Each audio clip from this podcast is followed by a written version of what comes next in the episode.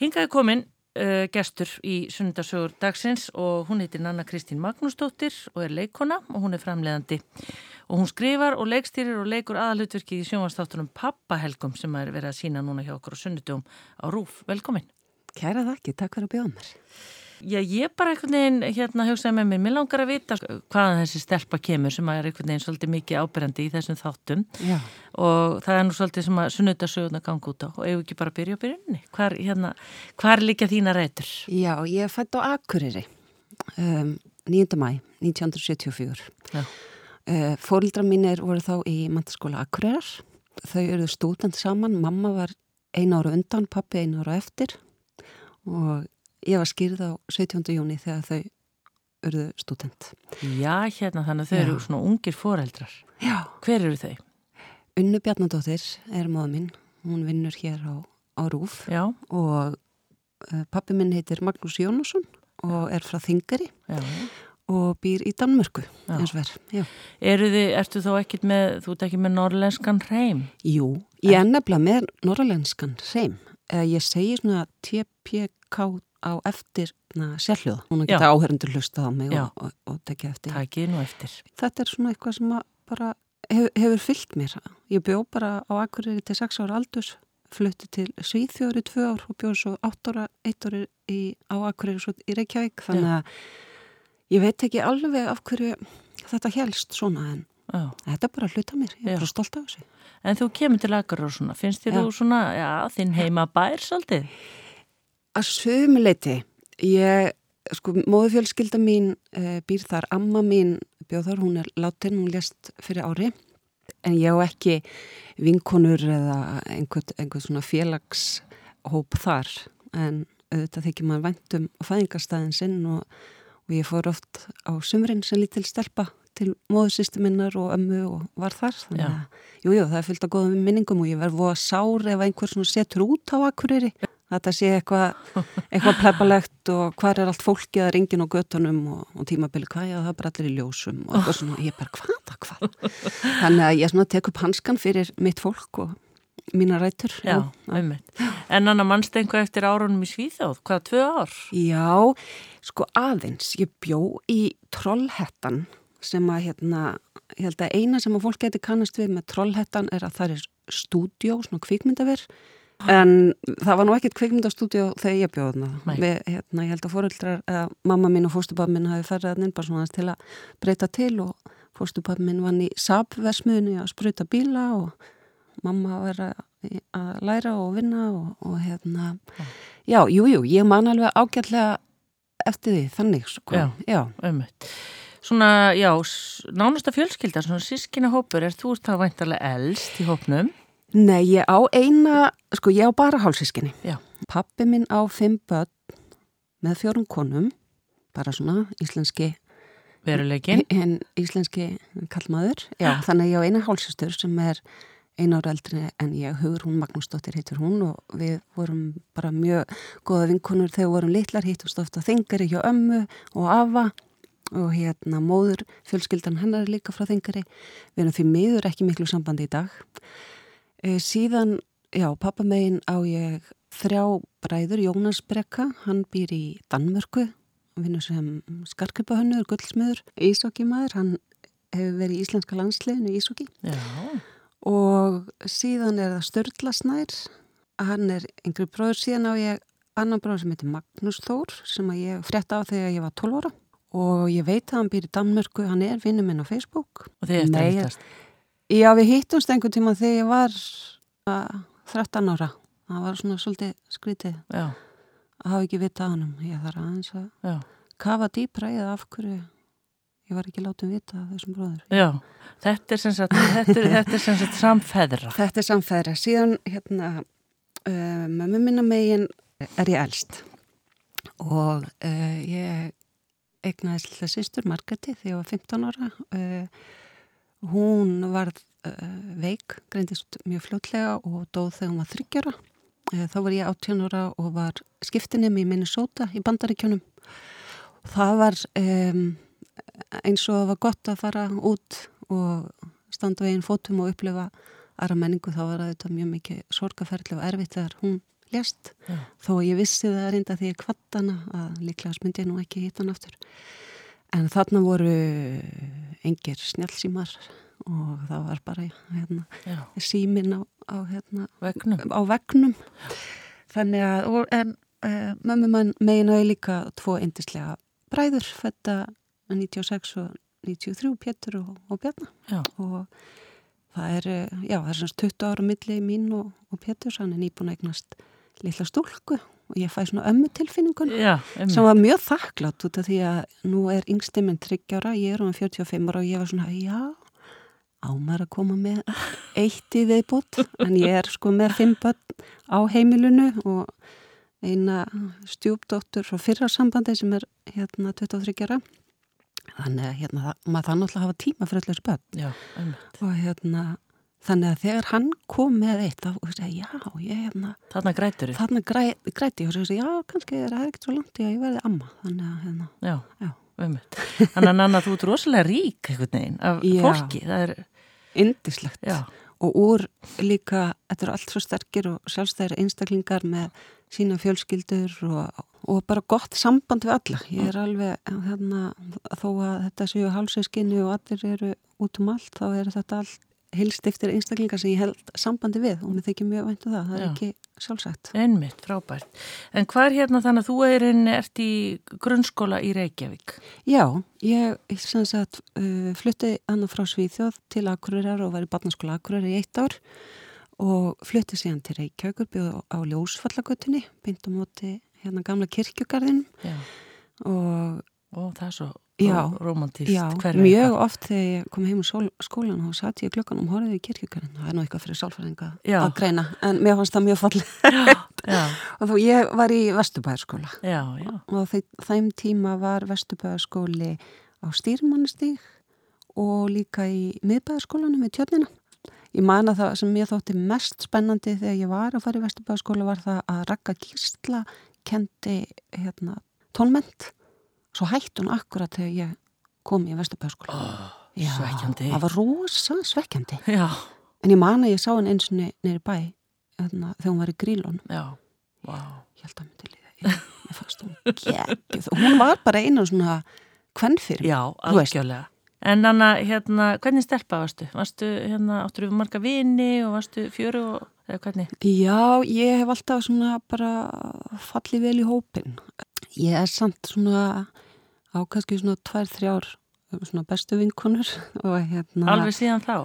Í, Nei, svona það því að líka þegar, þegar maður er að flytja, þú veist, elst upp á okkur er flytja svíþjóðar, fer svo til Reykjavíkur, þá er ég en svo sem bara þá hérna var ég samt oft hérna, mér fannst oft skemmtilegra að vera svona fyrir utan hópin og horfa á leika sér. Já, ok.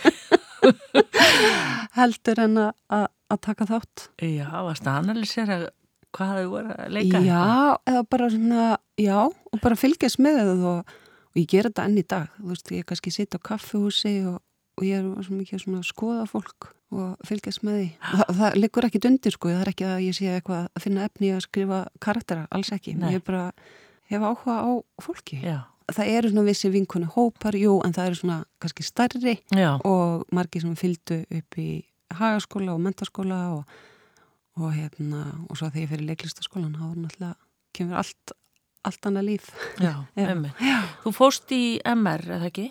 Jú, Og, og hérna, akkur valdur það? Verstu sterkur námsmaður eða? já, ég er sterkur námsmaður Já, aðeins of sterkur sko já, samviskusum. Já. 9,5 er allt í lægi en ég er ánáttúrulega að fá 10 sko Svolítið þar já, já, þannig að þú rúlaður MR upp eða hvað? Já, það gekk alveg mjög vel. Mér fannst sko fyrst ári í MR skemmtilegast.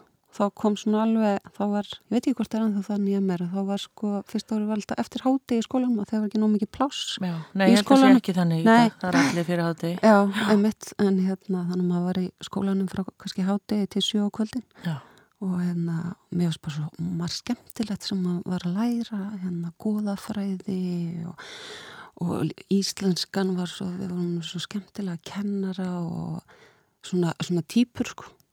Og hérna og, og ganga inn í MR þetta var svona já, maður fekk alla söguna einhvern veginn í húsinu og fara að læra í íþöku og mér finnst það allt það er svona einhver einhver romantík við Já, þetta. gaman. Já, en, En- svo var ég í herranót líka þannig að ég var, ég var ekkit bara hérna, Bara læra. bara að læra. Nei, en varstu þá nanna svona eitthvað búin að hugsa um það að kannski myndur þú leggja legglist fyrir þig eða hvað?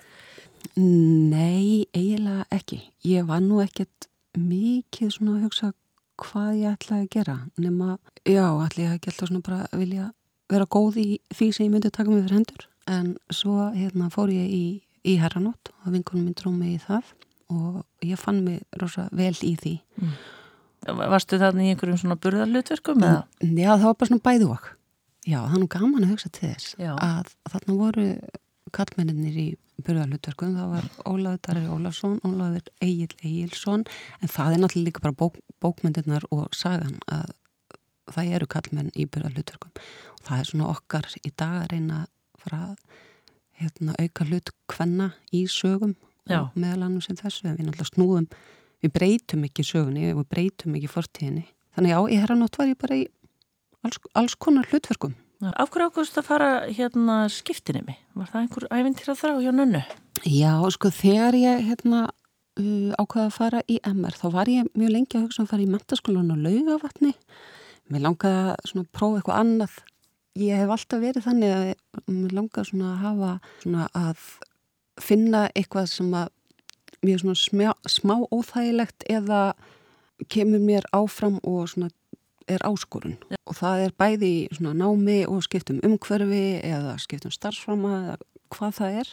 Um, ég veit ekki alveg af hverju það er en mér, það er kannski einhver spennufíkn eða eitthvað, mér finnst það eitthvað svona gott að hafa áskorunni, mér finnst það rosa gott að setja með markmið og, og setja svona stepping stones og, og náði Já.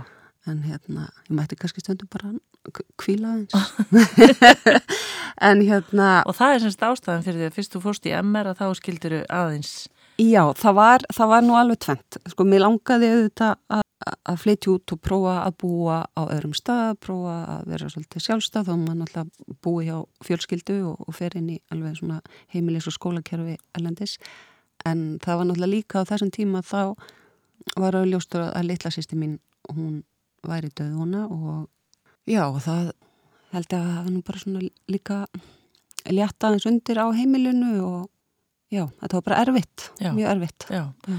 En, og lendur þú hjá góðu fólki og... Ég lendi hjá indislegu fólki, en sko, kona var 25 ára og maður var 27 ára og ég var 18 ára. Svona, bara... í dag hugsa maður, vá, þetta er rosa skrít og þau voru ballus. Hæ? Já, nú eiga þau sko fjö, fjórastelpur. En maður hugsaði þetta af hverju ósköpunum tóku þau skiptinum, en mér leiði ekkert eins og þau væru svona ung, sko, mér leiði bara eins og þau væru fóröldrar Já. mínir.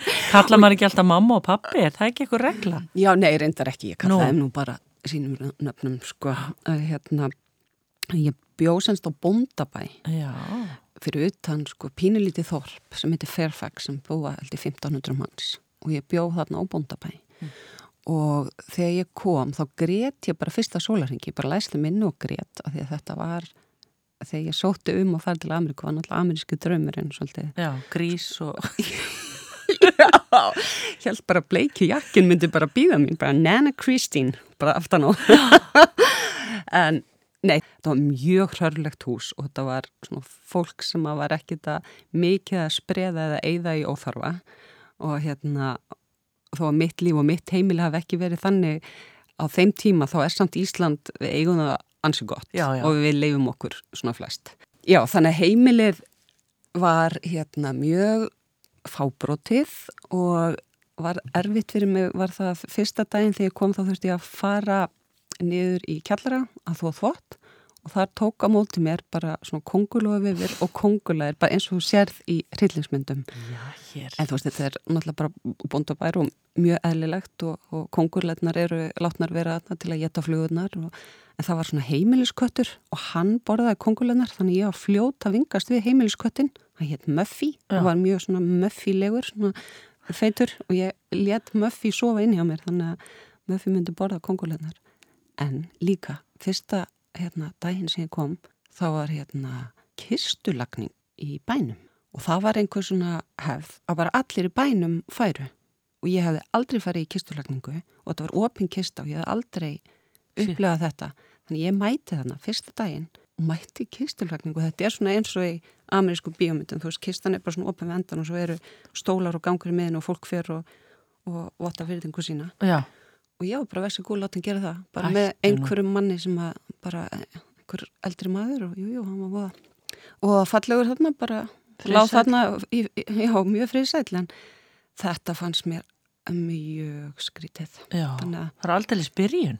þetta var byrj, já, Þetta er bara eins og hérna, byrjun okkur Þetta var- sögu að ég lifði mig alveg inn í þetta. Ég sé því anda. já Já. Þetta En er ekki þá bú- draumurinn eins og maður, hérna, en svo var þetta indislegt sko, Já. þetta var algjörlega frábært ár og ég hérna, var í svona high school, var í, það var búið að hérna, velja í klappstýrulið þannig ég var í svona dance line Já, já. að þá er, svona, er maður í svona röð og, og gerir samhæða reyfingar, svona, sparkar upp fótunum og gerir eitthvað með Já. höndunum og, og svona það var mjög skemmtilegt og nýtti, nýttist mér vel að hafa verið hérna í frístæl var nú Íslandsmeistar í frístæl í Tónabæ Nú, hérna, nú. í Hóptansi Svo áður það fyrr. nú tekið fram. Eh, svo að það sé nú tekið fram ha, mér stann nú ekki að hafa fengið Nei. náum ekki pláss í þessari, þessum viðtölum og kynningum sem ég hef verið í undarfarið þannig að hérna nei þannig að þú veist ég fann aðeins til mín svona í dansunum, það var gott Einmitt. Þannig að fyrir utan að upplifa það og fá þær vondu fréttir að, að litla sýstíðin var í dáin, Já. Uh, þá væntilega hefur þetta ár mótaði mjög mikið. Já, það gerir það. Og þetta er líka þú kemur inn í svona allt aðra menningu, þá er það til dæmis eru trúin mjög sterk, fólk er mjög trúað og ég er kristinn og, og á þessu heimili sem að ég fór á þá var maðurinn lútestrúar en konan var kathólsk. Og ég byrjaði að fara með henni í kirkju á sunnudum og, fór líka með honum en kaus að fara með henni að því mér varst það þá svona meira theatrikal katholikar eru svona meiri svona seremóniur Já, en svo fréttist það í bænum að ég væri ekki katholsk þannig að þá það þótti nú ekki við hæfi að ég væri að hérna, sækja katholsku messur þannig Nei. að mér var bannað að fara í katholsku messurnar og, og fór þa- eftir það í lútersku messurnar á, á sunnudum bara sem ung manneskja að þurfa að velta þessu svolítið fyrir sér. Já. Það lítur að vera bara daldil skóli. Já, og það er líka svo skrít út af því að þessum tíma, þú veist, nýkomin á hagaskóla, búin með eitt ári MR, bara með mína batnatrú og amma syngdi mig alltaf áður en ég fór í Já. nærbólinn og, og hún syngdi hurðina áður en fórum að sofa, ég geri það nú ennþá, ennþá oft og hérna, þannig að ég leitt á það að ég væri trúið en ég fór að sjá svo ekki í kirkju Nei, á, á, í hverju viku. Þannig að koma þarna og sjá og kynnast ungu fólki sem að er með þessi gildi, þessi trúalegu gildi bara í sér og þú veist, er að hlusta á eitthvað country eða hvað, hvað það er, skiluru og er bara, bara eins og íslenskir hérna, íslenskt und fólk að hlusta á eh, viss, viss lög og viss á tónlist og mér fannst country svolítið skrítið en þá er, kemur þetta inn í þe- þessi trú og, og líka svona hvernig þetta er flokkaskipt og þannig að það, jú, það var mjög svona aðteglisvert og uh, já, það var alveg smá erfitt að hérna, að, kingja svo og þó þetta hafi ekki taft einhver mikil áhrif á mig en þá svona, já, einmitt, maður er svona flokkaður eftir í, í hvað kirkjum hann fer og hvar og þú mátt ekki vera einhvers staðar bara því að því finnst það meira heillandi það er bara annarkort eða Já, vá. já. En ert í sambandi við þetta fólk í dag? Nanna? já, ég er það, ég er í hérna Og veist að þau eiga fjóra stelpur já, já, og þau hafa komið til Íslands. Já, já. já, þau hafa komið til Íslands og hérna ég síndi einn snæfellsnesi og þau verða það heppin að fá indislegt veður og bara, þetta var mjög mjög gaman að fá þau hingað. Já, Svo kemur heim, klárar MR já, og hvernig var þá að, varstu af því þetta nú bekkjakerfi, var ekki erfitt að vera svona þá komin ári eftir? Jú, ég var þá einu ára eftir og þá svona var minn kjarnahópur, minn kjarnavinnahópur sem hafi myndast í, í hagaskóla. Þá útskrifist þeir einu ári á undan. Ég fór reyndar í útskriftaferð með þeim árgangi Já, og vinkunum mínar fóru svona mjög margar eh, erlendis í nám eða vinna. Það síðasta ári í MR var svona ekki eins og hinn höfðu verið nei, en þarna var ég líka í herranótt og komið meiri áhuga á leiklistinni og fór svo í lók uh, sjötabakkar í indökupróf íli, í leiklistaskólan já, og það er mjög langt ferli, langt og strangt ferli. Og var í þessum indökuprófum á meðan ég var í stúdinsprófum wow. en ég komst inn og það er hérna, og þar með var grunnurinn lagður. Þar með var grunnurinn lagður Já, já. Hvernig uh, hugsaður lít til árana í leiklistaskólanum? Er þetta ekki að því það er marg oft verið takt ekki við til við leikara sem að náttúrulega segja að það er ekki takt að lýsa þessu. Þetta er svona sérstætt ferli sem að fyrir gegnum. Já. nánd og allt þetta. Já, það er kannski það einmitt, jú, ég hugsa mjög lít til leiklistaskólans og hérna og minn árgangur var svo síðast sem útskriðast úr leiklistaskóla Íslands. Næsti árgangur var komin í listaháskólan Já. svona það sem að sittur eftir er einmitt þessi nánd og þessi, hópur. Við vorum áttamann sem voru saman á hverjum degi í fjögur ár og við erum nú ekkert í daglegu sambandi í dag en hérna við það eru þessi tengsl og Um, og þið þekkist vel. við þekkjum, þekkjumst mjög vel Já. mjög mjög vel. Það það hverfur ekkert og, hérna, og það er væntum þykja og veist, þetta, er, þetta er eiginlega eins og sískinasamband ég er eiginlega búin að vera með þessu fólki meira en sískinu mín. Já, svona umgangast og sjá allar hliðar fólksins. Og hérna og síðan veiktist bekkjabróður okkar, hann Stefán Karl. Og eins og við vitum þá er hann fallin frá. Og á því tímabili þá byrjuðum við að hittast aftur. Og fórum og hittum Stefán og hérna ná, náðum að, að rifja upp gömlu góðu tímana að því að auðvitað tekst maður á í, já, fyrstulega bara í bækjakerfi í skóla en hvað þá í leiklistaskóla þar sem þú ert að vinna með tilfinningar og alls konar og ýmislega kemur upp og þú ert í samkefni já, og þó það sé ekki talað um það, þá ertu það samt. Það var mjög fallett einhvern veginn hvernig sko Stefán hafði einhvern veginn að kalla okkur á svon fund og við hérna, mættum öll og og svo einhvern veginn eftir það þá heldum við meira saman. En dásanlegt, gaman að heyra þetta. Já. Já. Og þá kannski eru allir líka svolítið búinir að, hvað þú segja, hleypa heimdraganum og komni svolítið tilbaka og kannski fara þennan endur mynda svolítið lífið. Já, auðvitað og náttúrulega undir þessum kringumstæðum, það sem að, hérna, stefn okkar sem var alltaf svo bara indislegur og, og held uppi svona gleðinni. Já.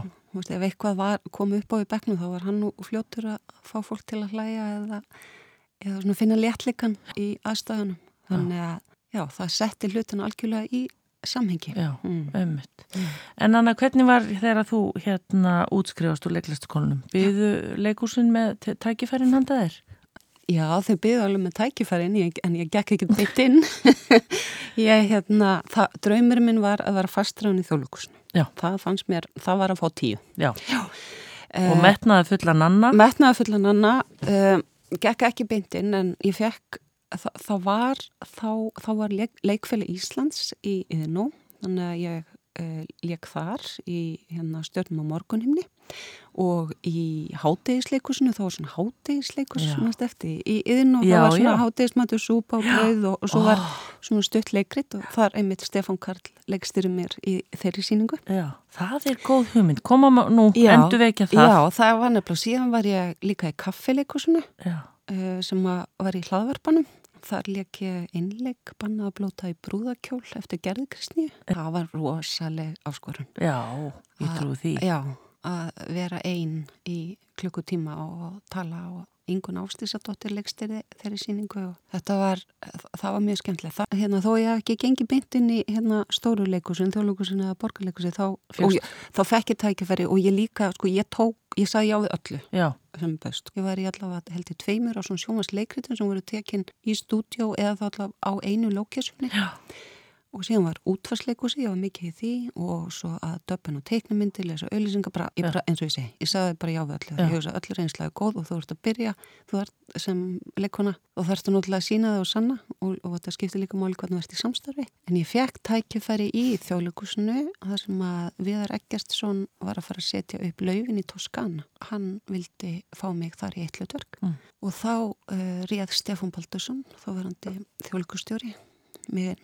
Á fastansamning. og draumurinn en að nönnu rættist. Rættist? Ég fæ alveg svona, að, ég er svona dopna í lærunum. Bara, ég fæ sem bara svona tilfinningu. Já, já nei, þetta var alveg og, og ég var svo lánsum að á meðan ég var í þjóðlukursinu þá eru svo ótrúlega sterkir leikaraðar af eldri kynsluðinni sem eru núna eldri kynslu eldri kynslu þá voru bara Já. þeim aldrei sem ég er núna Já. en þú veist það er hérna þú veist Guðrún Gísladóttir, Ragnar Steindorsdóttir Jóhann Sigurðarsson Siggi Skúla Já þetta eru bara Arna Jónsson Já. þú veist ég er Gunnar, já svo alveg þar sko þú veist við erum að tala um ég hef ekki á múti Gunnar Eyjólfsinni og þú veist þetta eru hvað setur mig sem leikonu bara á hæri stall svona til langs tíma séð. Einmitt. Af því að ég fæ reynsluna með því að leika á móti þessu fólki Já, og það er bara bæði sem leikuna og ásviðu og bara ægin og, og, og vinnu aðferðinar og, og allt það. Já. Þannig að Já, ég, ég var mjög heppin já. með það. Já. En svo ákvæðist að fara út í, í frekara nám. Já, já. Er það alltaf hérna keppniskonan Anna eitthvað neginn? Já, ég hérna kom reyndar fyrst þannig til að ég var einu stopnundum Vestuports. Við vorum þarna mjög uh, sterkur hópur af þá ungum útskriðum leikurum sem að langaði að, gera okkar og uh, legðum okkur húsnaði á Vestugötunni og heldum vikulega fundið það sem að við ákveðum hérna hvað þetta eða miklu í klósepappir og þrif og skiptust á að þrifa klósetinn og með, við hérna ákveðum hvaða síningar vartum að setja upp og algjörlega storkastlega síðan hérna náttúrulega er e, núna gíslörni með svona drivkrafti núna í Vestuporti og, og, og komið svona annar, annar kærni og alveg storkastlega að sjá hvað Vestuport hefur gert Já. og hérna og meðan við erum í Vestuporti þá kemur upp svo hugmynd að gera bíómynd og Er það fóreldrar eða? Já, það, er börn og fóreldrar Já, sem að Ragnar Bragarsson leikstýrði og, og þar fyrir við í svo ótrúlega skemmtilegt ferli. Þá vinnum við sagt, þessa mækli aðferð þannig að eh, Ragnar Bragarsson hittur okkur eitt og eitt og við komum hugmynda að personu og við hérna, þróum svo áfram þessa personu með honum en hann heldur utanum sögúþráðin.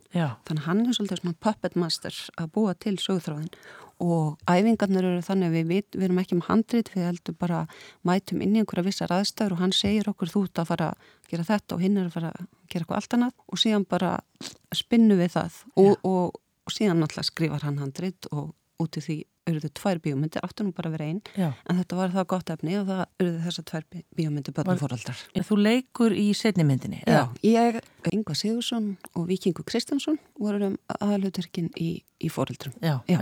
það er svona svolítið bara líka, maður svona, tengir svolítið við þetta, ég man svo vel eftir þér þarna. Já, einmitt Það er svona mynd sem að, já, vakti aðtökli Já, það er einmitt svona, fannst, það er líka svo mikið frelsi að velja sér karakter. Og hún var mjög ólík mér, hún, hún Katrín Rós sem er í fóröldurum og ég man eftir því ég hitti Raka í fyrsta skiptu og átti að presentera hvaða karakter ég vildi vera. Og ég þekkti Raka ekkert mikið þá. Og ég kem með mannlífsblad, mannlíf, frikaraldur, nýtt líf. Og, og leggast nú bara og segja ég vil vera þessi.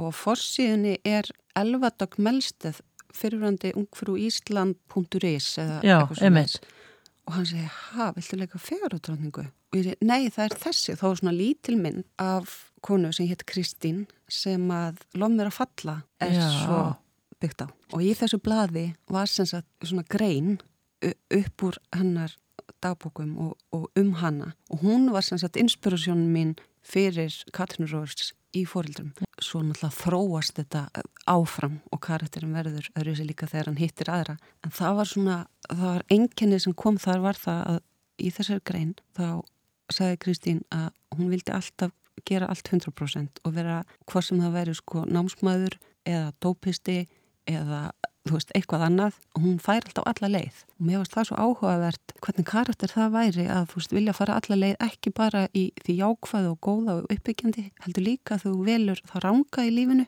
að þú ákveður að fara alla leið þar líka. Já. sorglegt og, og, og, og dramatíst og eins og ég myndi loð mér að falla svo sínir svo Stert. Svo ótrúlega stert og vel. Já, já, já. Rétt að við tökum hlið, Nanna, þá sagt, er það eftir þetta, ertu þá komin með svona, hvað ég var að segja, áhugan á kvikmyndum, sjónvarpi Já. Og það verður til þess að þú vilt sækja þér meira. Já, þetta var bara ótrúlega skemmtilegt ferli og þetta tók þrjú ár allavega að búa til börn og fóreldra og við erum þannig að framleiða sjálf og, og svona halda utanum þetta og drivkrafturinn er náttúrulega Ragnar Bragarsson sem held þessu öllu saman en eftir þetta þá ákvað ég að segja upp í þjóðleikursinu. Það var alveg margt sem kom til. Ég hafði áhuga á þessu og ég hugsaði, já, mér langar að fara lengra inn í þetta og ákveð og vera svona sjálfstæðri hvernig í vinnunum minni. Það var líka nýbúið að skipta um þjóðleikustjóra, hún Tina Gunnlaugstóttir var nýttekin við og hún var svona búin að nefna það á starfsmannafundum að hún vildi svolítið hrista upp í leikarhópnum en það voru margir á samningi sem voru fastræðin og það má ekki segja upp samningi. Þannig að ég var til dæmis æfir á þinn. Ég bara, geta bara hérna, verið þarna á inniskónum bara og, og dáið bara á, á sviðinu. Já. En það voru margir einmið það að þetta var eitthvað, þetta var svona, þetta vakt aðtikli þeir spökstofu leikararnir sáðu upp og já, eitthvað svona, já. þú veist sem er sem bara svona falli hugsun að hleypa fleir, fleirum af þannig að það var líka svona stutti ákverðunna og hérna og svo var það líka það að ég var að byrja að huga batningnum og, og hérna mér langaði bara svona að algjörlega að breyta til. Já. Síðan kemur það setna að ég ákveði að fara í þetta nám í handritagerð en mér langaði að vera leikstjóri en þegar ég fór að skoða svona leikstjóra nám og skóla þá hugsaði ég já, mér vantar kannski meira að læra að skrifa handrit heldur en að læra að vera leikstjóri. Og þessum tíma var líka ekki mikið af sem sagt lærðum eða handrishöfundar með mikla reynslu. Og þetta er bara búið að breyta svolítið mikið í dag, við erum ekki mörg en við erum samt þar mjög, við eigum mjög marga hæfa handrishöfunda mm -hmm. að því að, að vera leikari með hugmynd það er ekki saman á handrishöfundur að vera góður rétthöfundur er ekki það saman að vera handrishöfundur þannig að það get ekki hverjir, hver sem er að skrifa handrið Nei og auðvitað ekki. Það getur ekki, ekki hver sem er flísalagt nei, þó að það sé sínt á YouTube. Já, ég veit. Þannig að hérna ég ákvað að flytja með fjölskyldunum mína með þáverandi manni mínum og tveim bönnum. Þá ertu búin að eignast tvei bönn? Já, Já, þá er á ég hérna Kristinn Kól sem er fættur 2007 og Unni Marja sem er fætt 2010. Þetta er ísa ákvörðin. Þetta er með... mjög stór ákvörðin en þetta var algjörlega bara rétt á þessum tíma og til góðs. Það var mjög gott að vera í nýju umhverju. Mér langaði að, að fara að flytja til borgar sem að væri fjölskylduvæn og Vancouver er það. Já. Ég var að skoða LA og New York og alls konar svona það sem að... En þetta er svolítið langt í burtu? Já, það er það. En, en frá hverju? Já, einmitt. Fjölskyldunni, já, sjálfsögðu og fóreldurum, en það komi nú allir í heimsókn. Já. Ömmur og afar komi í heimsókn mm. og, og, bara, og það er líka holdt að aðeins kúpla sig út. Já, og hvað var þetta langu tími? Þetta var, námið sem ég fór í var tveggjar á nám sem tekið samt á einu ári. Það var líka eina ástafanum að ég bara hafði ekki tíma til að fara í fjögur ára nám. þannig að þetta var eins og snám sem var þannig að bara ein önn kláraðist á fösti og næsta byrja á mándi wow. og ekkert páskafrí og ekkert jólafrí og þannig að ég lappaði sömu göttuna eða bara svona heilt ár fram og tilbaka úr húsinu í skólan. Það var líka mjög gott, þetta ja. var bílaust lífstíl og bara gekk mikið og hjólaði. Og, og þú læriði fullt? Ég læriði fullt Já. og ég var mjög skipilóði í svona ámi, allt svona, þú veist, ég var með fókus á sjónvarsþætti, það var hægt að velja annað kvikmyndir eða sjónvarp, ég valdi sjónvarp og svona hvert verkefni sem ég tók að mér í hverjum kursi hugsaði alltaf hvernig væri hægt að framlega það Já. og hvernig væri hægt að gera það mm. og þar byrjaði til dæmis stuttmyndin mín uh, Ungar sem að ég gerði eftir að ég gerði tvílegaleg sem ég skrifaði í skólanum. Þannig að þú veist, þá byrjaði margar svona hugsaðin hvernig er hægt að já, uh, framkvæma það sem maður uh, gerir í skólan Já. Mm -hmm. Nanna Kristín Magnúsdóttir er gestur minn í sunnundasögum, við ætlum að taka hérna östulli og hleypa öllsingum og svo ætlum við að snú okkur að svona setni helmingi í svona lífi hennar og, og hérna ferli og sem að endar veintalega með því að við ræðum um pappahelgarnar sem við verðum að sína í okkur á rúf. Já. Það er ekki langt. Rástfö Þjóðleikúsið kynir Shakespeare verður ástfangin Bráðfindin og fjörug stórsýning sem hefur hlotið frábærar viðtökur. Treyðu þér miða á leikhúsið.is Þjóðleikúsið Leikhúsið þitt. Ég fór strax nýri kjallara og byrjaði yfirheyra mannin og yfirheyrðan í þrjóru klukkutundir samfleyt. Og hjáta hann? Nei, hann svaraði mér ekki eins og ný. Okkur ekki? Þetta var líkið. Þetta voru Hall og Latti, ægilega fyndnir í þættunum Uglasat og Kvisti sem sendur var út í sjónvarpunni í oktober 1973. Tímaflakk með Bergson og Blöndal alla sunnudaga á Rástfö. Og í spilara, appinu og öllum hlaðartsveitum.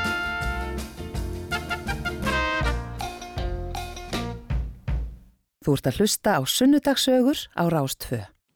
Nanna Kristín Magnúsdóttir leikona er gestur minn og við svona fórum á hundavaði yfir lífðitt og starf uh, bara frá því að þú fættist á Akureyri og svo þegar þú kemur heim frá hérna Vancouver uh, einhvern veginn fulla hugmyndum og orgu búin að fara hann út og, og svona, hvað ég var að segja, já, læra svolítið nýtt svið Já. og hérna, hvað tekur þá við? Bara svona, við þurfum að passa samt að halda áfram svo að því að svo margt sem við um þetta að tala um. Já, þegar ég kem heim þá fer ég í borgarleikusið og leiki Óskasteinum undir leikstjórn Ragnars Bragasonar. Það bara var algjörlega stórkuslegt að koma aftur inn í leikusið. Síðan þá uh, ákvað ég að leikstýra minni fyrstu stuttmynd og ég gerði það án allra styrkja að því ég vildi svona aðtuga hvort að ég hefði eitthvað í þetta og ekki að draga neina með mér.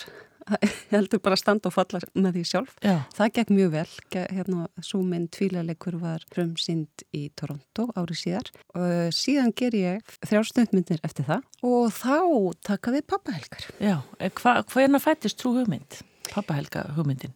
Hún fættist meðan ég var í náminu, uh, 2012-2013 kom hugmyndin fyrst út frá hérna persónni. Mér langaði að skrifa hvern persónu sem að væri innan gæsilappa hinn venjulega kona með hverstaslega vandamál og þeirsti bara komast í gegnum daginn og, og svona bara það sem að, hérna, maður þarf að takast á við dagstaglega. já, Og, og hérna á, í handreitamáli heitir þetta karakterdriven en ekki plottdriven þannig að það var kveikjan Já. og setna þegar ég var að búa til sagt, heiminn þá ákvað ég að, að hjónaskilnaður væri mjög gott dram, í dramatík dramatík stefni, það er sorglegt en það getur líka verið aðeins komist á, á, á stundum og ég byrja að skrifa sjálf ég var búin að skrifa fyrsta þáttin þegar ég kynni hugmyndina fyrir skarpinu Guðmundssoni. Hann kveikti strax, sagði að þetta væri áhugavert. Þetta tók sjö ár frá því að ég fekk hugmyndina og núna þunga til að þetta komi í sjónvarp. Já. Það er kannski það sem er svo áhugavert hjá okkur. Já, Nanna, við einhvern veginn áttum okkur ekki á hvað er svona allt tekur langan tíma. já. já. Og það er líka það að hérna, nú, nú hérna, hefur fengið aðtikla á það hvað ég er með marga hatta í þessu verkefni að ég sé handlisöfundur og leikon og, og framlegandi og leikstjóri en það er að sjálfsögðu fólk með mér sko kvikmyndagerð og sjómasframlislega er aldrei einhver einu manneskja Nei, og handlisöfundir uh, Hulda Breiðfjörð og Solveig Jónsdóttir þau komum með mér inn í, inn í handlistaskrifin ég er með leikstjóra með mér Martin Þórsson sem að þar sem ég er í flestum senum þá vildi ég sjálfsögðu hafa annan leikstjór sem að geti leikstýrt mér og svona verið hérna, mitt auga Já. baku kameruna og ég átti alveg sérstaklega gott samstarf við hérna tökumanni, hann besta, hann já, og hérna þannig að og, og, og framlegandi Birgitta Björnsdóttir sem er mjög öflugu framlegandi þannig að það eru að sjálfsögðu fleiri sem koma þarna að. já, þó að þú berir svona marga titla þarna. Já og það er náttúrulega sjálfsögðu ekki hérna venjan að einmannskja sem með alla þessa hatta en þetta verkefni hefði ekkit orðið að veruleika því að þetta er svona mitt bann og það er, ég þurfti að að koma því áfram, það er engin annar sem myndi berjast fyrir þessu að því að þetta er náttúrulega óvinnlegt og þetta er ekki sko þessum tíma þegar ég byrja að skrifa þá er þetta ekki tísku það er ekki það sem að sko fólk vil sjá, þá vil fólk sjá einmitt plott-driven sögur Já, einmitt. En Anna, þú gengur sjálf í, veginn, þetta eru sjö ára tímabil, mm. ert sjálf búin að fara í gegnum hjónaskilna, Já. sagt, átt tvö börn með fyrirvændi eigimanni Já, og átt núna, Já, ég sem sagt á Kristin Kól og Unni Marju og síðan á ég Garpsturlu sem er þryggjara já, og svo er svo lán sem að eiga þrjár stjútvætur uh, Önnu Kristínu sem er frá mínu fyrra sambandi og síðan Ragnæðuglu og Úlfildingu. vá, þetta er, Það eru að búa með mínu heimil í dag. já, Eða aðra hvora viku svona eins og, já. já, en, en ég meina þú ert bara, fyrir nú utan öll þessi hérna flottu börn, þá eru líka ófríska á þessum tíma hvernig, var, hvernig gekk er að, að samræma þetta allt saman? Ég segi bara, varstu nokkuð að leika sjálfa þig í myndinni? Er ekki, er ekki oft búið að spyrja þessu?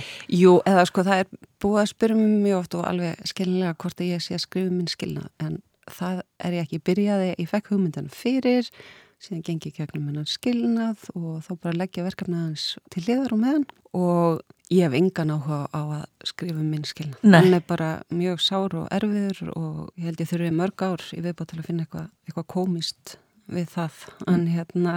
Um, En skilnaður er enn eitthvað sem við þekkjum öll og er út um allt. já, já. Þannig að þú veintilega ert bara að skrifa um uh, alla þessar skilnaði sem við sjáum og heyrum af og Já og ég líka sko þó að auðvitað þetta er skilnaður sem fólki er hérna Karin og Matti í pappaelgum er að gangi í gegnum þá er ég líka að skrifa bara um sko mannlegar tilfinningar og hvað þú gerir hérna bara í þessum aðstæðum og hvernig þú veist verður þau meðvirkur eða verður þau sjálfhverfur eða þú veist þannig að það er svo margt sem að kemur, kemur upp á og kemur fram akkurat í þessum aðstæðum. Þannig að jú serían fjallar um hjónaskilnað en það er kannski ekkit endilega það sem að ég sem höfundur vil koma framfæri þú veist hvernig það er að skilja Nei. heldur einmitt hvernig við mannskeppnan bregst við í þessum aðstæðum Mm.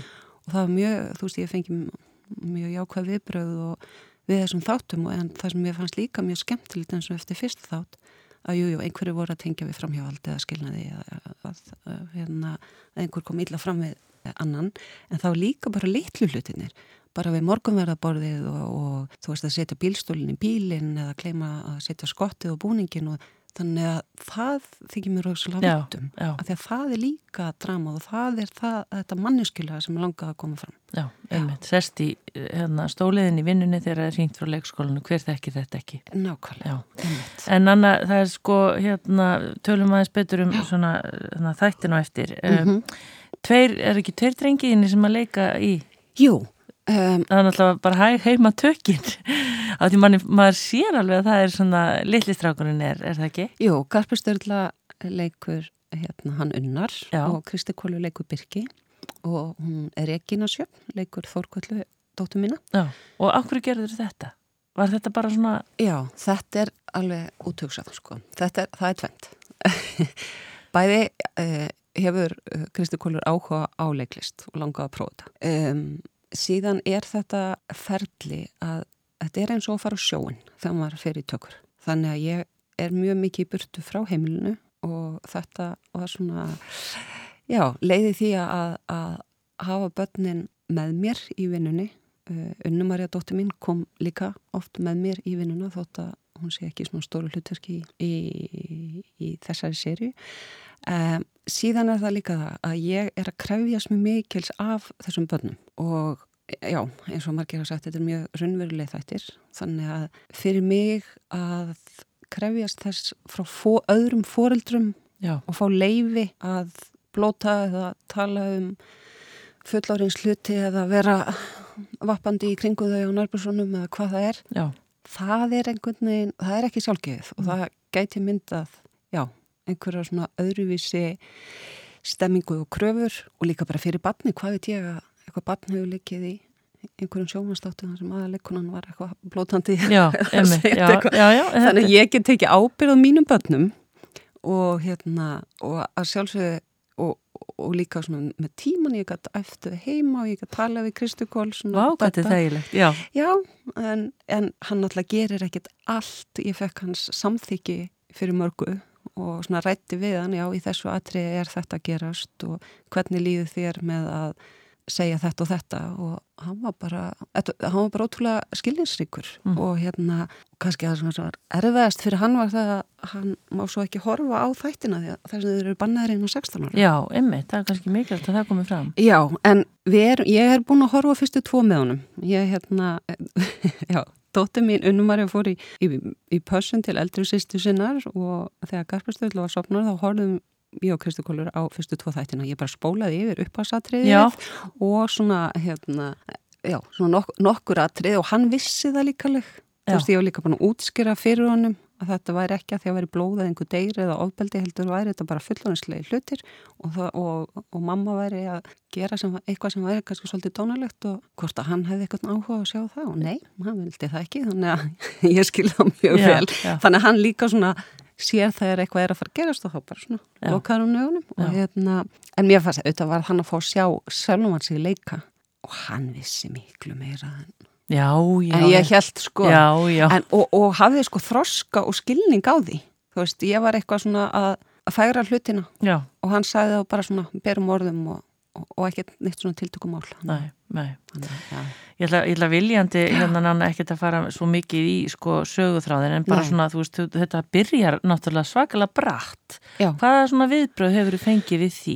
Að við erum kannski ekkit völen til að sundarskvöldum að sjá íslenskt efni þar sem við erum bara tekin alveg hérna, já, Já, nei, sko ég var algjörlega undir það búin að pappa Helgar er ekki allara og ég var alveg búin að undirbúa mig fyrir það að fá mikla gaggrinni og, ég- og ég var búin að undirbúa mig undir það að ég þurfti að svara fyrir mig og af hverju ég er að gera þetta og hitt og listan séð af hverju ég vil sína eins mikið og ég síni. Síðan bara hef ég fengið svo jákvæð viðbrögð og það eru allir að horfa og núna er ég bara að díla við að hvernig ég á að höndla allt þetta jákvæða lof. Ég er bara svona passa ámennast ekki bara. Já, sko, nei, það er nefnilega málið að ég, hérna, ég mætti nefnilega stundum vera meira montin. Já. Ég mætti alveg stundum. Ég þurfti að draga þig til þeim í síta viðtal af því þú sagði það eru allir búin að taka við með viðtal. Þú upplifir það þannig, Já. en það er ekki þannig. Nei. Nei. Ég, já, ég, ég fekk alltaf að heyra það í leiklisskólanum, ég ætti að taka meira pláss og ég ætti að taka meira pláss. Og hérna, en mér finnst best að taka pláss þá bara sem leikuna eða handisöfundur eða leikstjóri. Já. Og hérna, en auðvitað er þetta hluti af þessu, þú veist, ég veit það alveg. Já, og hérna, ég væri ekki leikuna nema að því að ég held að ég geti þú veist, hef eitthvað fram að færa en hérna, en það er ekki endilega sama sem merki það að vilja vera áberandi og allstaðar nei. og ég veit að þetta hljómar algjörlega í mótusögna sem að þú veist, ég er á sundbólnum á öllum stræt og skildum bærins en það vakti aðtiklu og mér langaði að fólk myndi horfa á þáttin Já, það er náttúrulega, það er barnið mitt. Pappelgar er barnið mitt. Já. og hérna, af hverju byrjaði þetta svona stert upp á senan, það er út af því að það er sjokkið sem að Karin fær. Já, þú veist, hún er bara á klóstinu að bestu tennu og ætlar aðeins að fara að kella mannin sinn og gefa hann um þessa persónulegu ammæliskjöf sem ég fannst líka húmor að kona ætlar að, gefa mannin sínum munnmögg í, í amma, ammæliskjöf það segir mikið um svona hvernig kynlífið er á bænum. En hérna, og mér langar áhundur upplýða þetta með henni.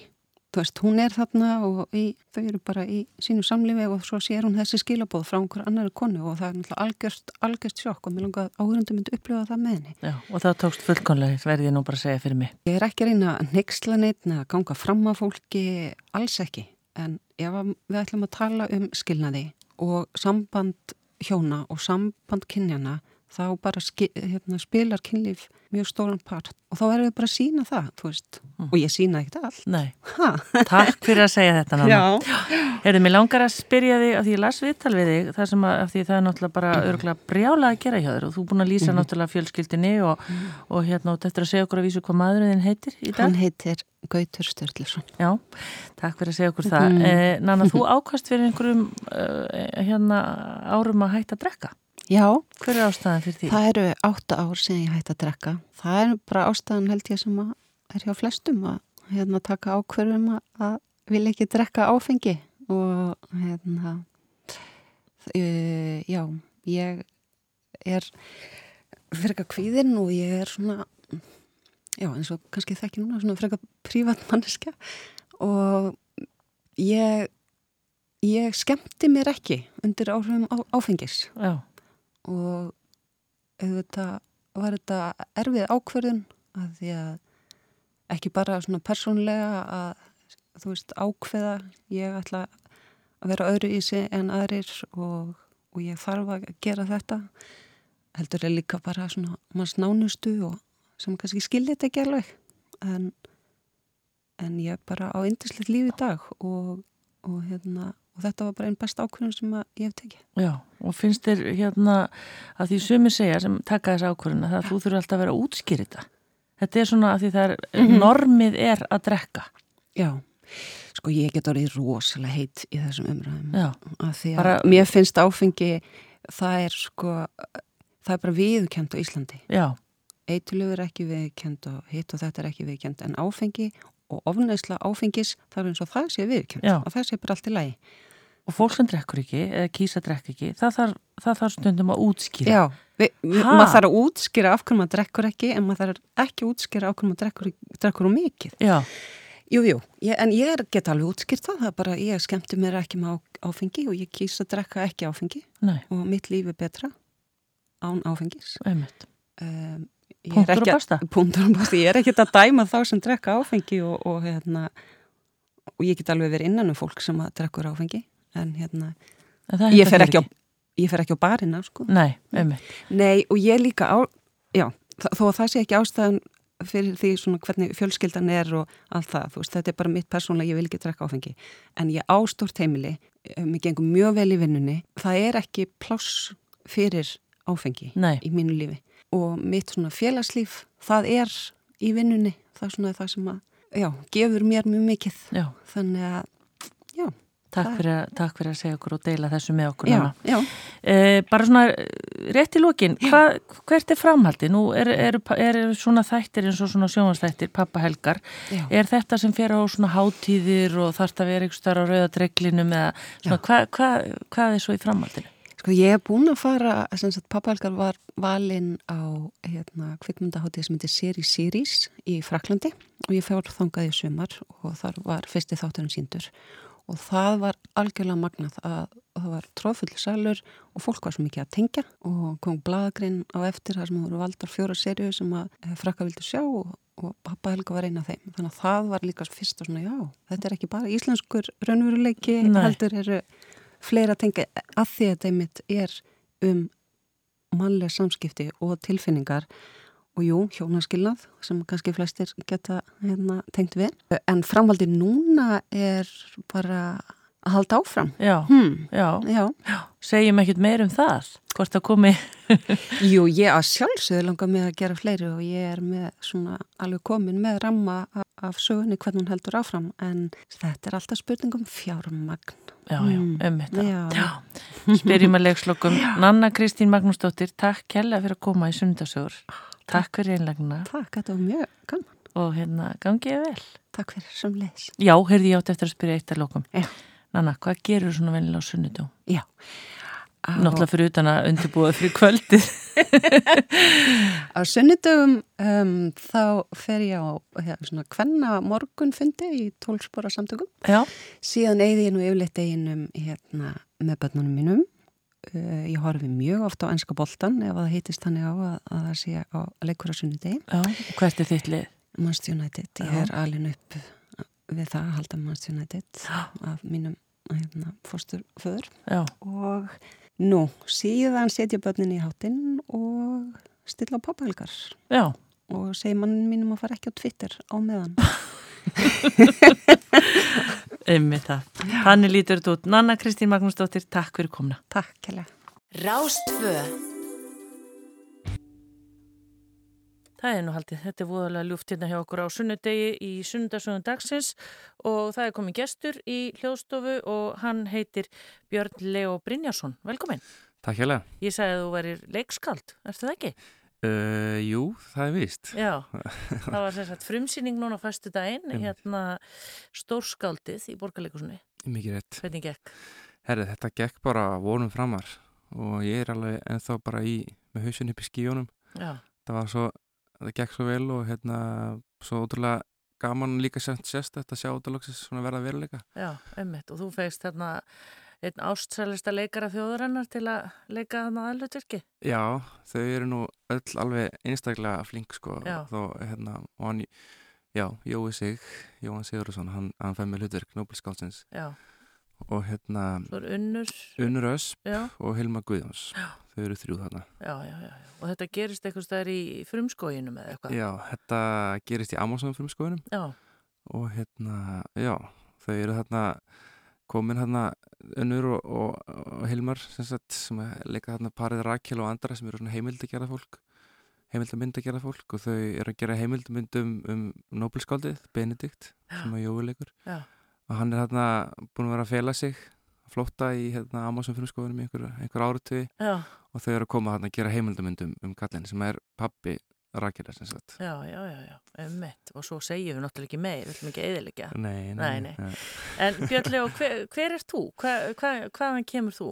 Herðu, ég er nú bara úr, hvað var það, Vesturbænum og Nesunu Já, fættu 1980 og og... 5, Já, þannig ég er 34 ára gammal Já. og já, bara svona óskup vennilegur strákur úr Vesturbænum sko. já, varstu alltaf staðræðan í að fara að feta þessa braut eitthvað eða? Nei, þetta gerðist um, uh, sko ég, ég þetta var svolítið svona flókin aðdragandi að þessu. Ég, hérna, ég var í leikflæðin í MR þegar ég var þar Herranótt. Herranótt, mikið rétt.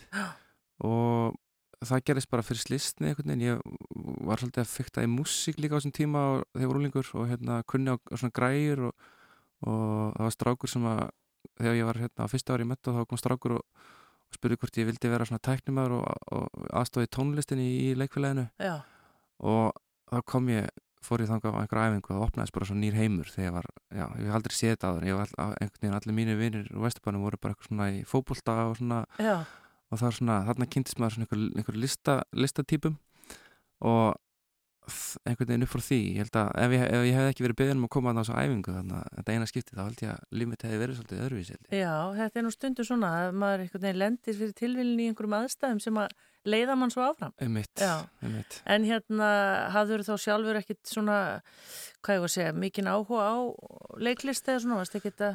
Uh, ég hugsa að ég hef nú kannski haldið áfram eitthvað í músík sko ef, ef ég hef ekki einhvern veginn endað þarna. Já, varst það semja lög eða varst það Nei, bara, bara svona, svona, gera svona ráftónlist svona í, í tölvum svona eitthvað Já, svona, eitthvað svona förulegt út. Svona nördalegt? Já, mjög nördalegt, alveg gríðarlega. Já, en hérna, hann, jú, þannig að það var alltaf svona listrann taug í mér og hérna uh, að ég lærði líka trompet þegar ég var, ég var batna úlingur að minn var í Sinfo trompetleikari já, Björn Guðjónsson og hérna og sko, hérna, er það ekki skólinhúst Kópós? já, emitt, þannig að það var mikið músík í, í, í ættinu sko. Já, og mér finnst nú líklegt ég hefði alltaf, alltaf á, á þessu þannig að ég hefði einhvern veginn annarkvort enda í tónlist eða eitthvað svona já, ef ég hef ekki farið í þetta. En- spilar ennþá trompetinn? Nei, því miður, ég alveg skömmaði að segja, segja að ég gera það ekki. En, Nei. hérna, uh, en ég ég held að námið og svona þú veist það blundar alltaf í manni svona þessi, þessi tónlistar, tónlistar hérna, áhugi og svona veist, að, það er alveg svona mikið hobby hjá mér að hlusta tónlist Já, en hérna en nei, því miður, það Nei. spilaði ekkert og trompet er líka svolítið upp á- ég ætlaði að fara að segja það, ég hef reynd að blása, maður kemur ekki upp tóni bara. Nei, þetta er Ha. ekki sko eins og, eh, eins og það, það þarf að byggja upp svona vöðva í vörunum sko Einmitt, og ef þeir eru farnir þá ertu bara það hljómar ræðilega sko. já, en, en kannski er þetta björn þannig að hafið lært að hjóla, þá kanta að hjóla, þannig að Já. þetta er þarna kannski. ég sko kunnóta nú, þú veist, eh, hérna, þú veist, maður kann alveg alltaf skalina og maður, maður skilur músíkin alveg jafnvel og maður gerir þegar maður var að æfa en, en, en bara sko tótnin, hann kemur ekki vel út að þú þarft að, þarft að halda því í formi sko, eins og íþróttumæður Einmitt. Uh, þú ert semst búin að segja okkur hver hérna var, uh, ég, ég bý sem sagt, uh, er alveg upp af önnu þóru sem að Björnstóttur sem að er hérna, hún Uppistandari. Já, einmitt. hún kom nú eins og það, mikið rétt, þáttinn, og er hún fyndin? Já, hún er svolítið fyndin, ég held að ég hafa svolítið húmórin og, og svona aðteglisíkana svolítið frá henni. Uh, og hérna, já, hún er, hún er mikil húmóristi og svona, hvað við segja, svona ná, náttúrulegur skemmtikraftur í sér. Já, og hún getur bara, veginn, látið þvæluna vella upp úr sér bara svona svolítið on the spot, eins og maður segir og þurftur einhvern tímann að ráðuna þegar að mamma þinn slóða létti að strengi þú varst lítill. Já, hún Já, það er svo margt sem hún segir sem er ekki hægt að hafa eftir sko. þannig að svona húmórn hennar er alveg hann getur verið annars skröldluður sko.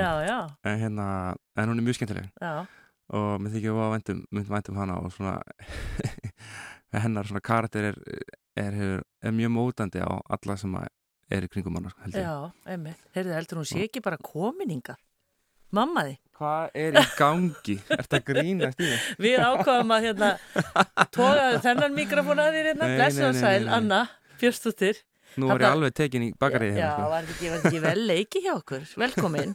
Já, takk fyrir. Þú er ekki búin að þessu. Nei, Nei. án, Mamma jésus selur alltaf á honum aðrið. Já. Þú gerir þetta núna bara senast á föstudaginn sko.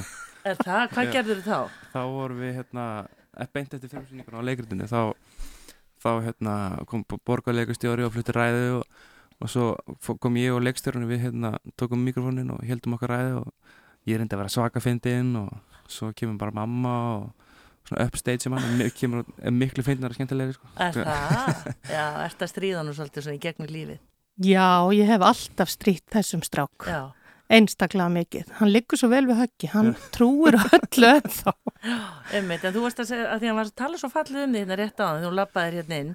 Eh, þú sagði mér hins vegar að hann, hann kom í heiminn og það var svona, hann var óskup svona, hvað ég var að segja, lítill og, og velskilslegur hérna í uppafið eða hvað. Aha.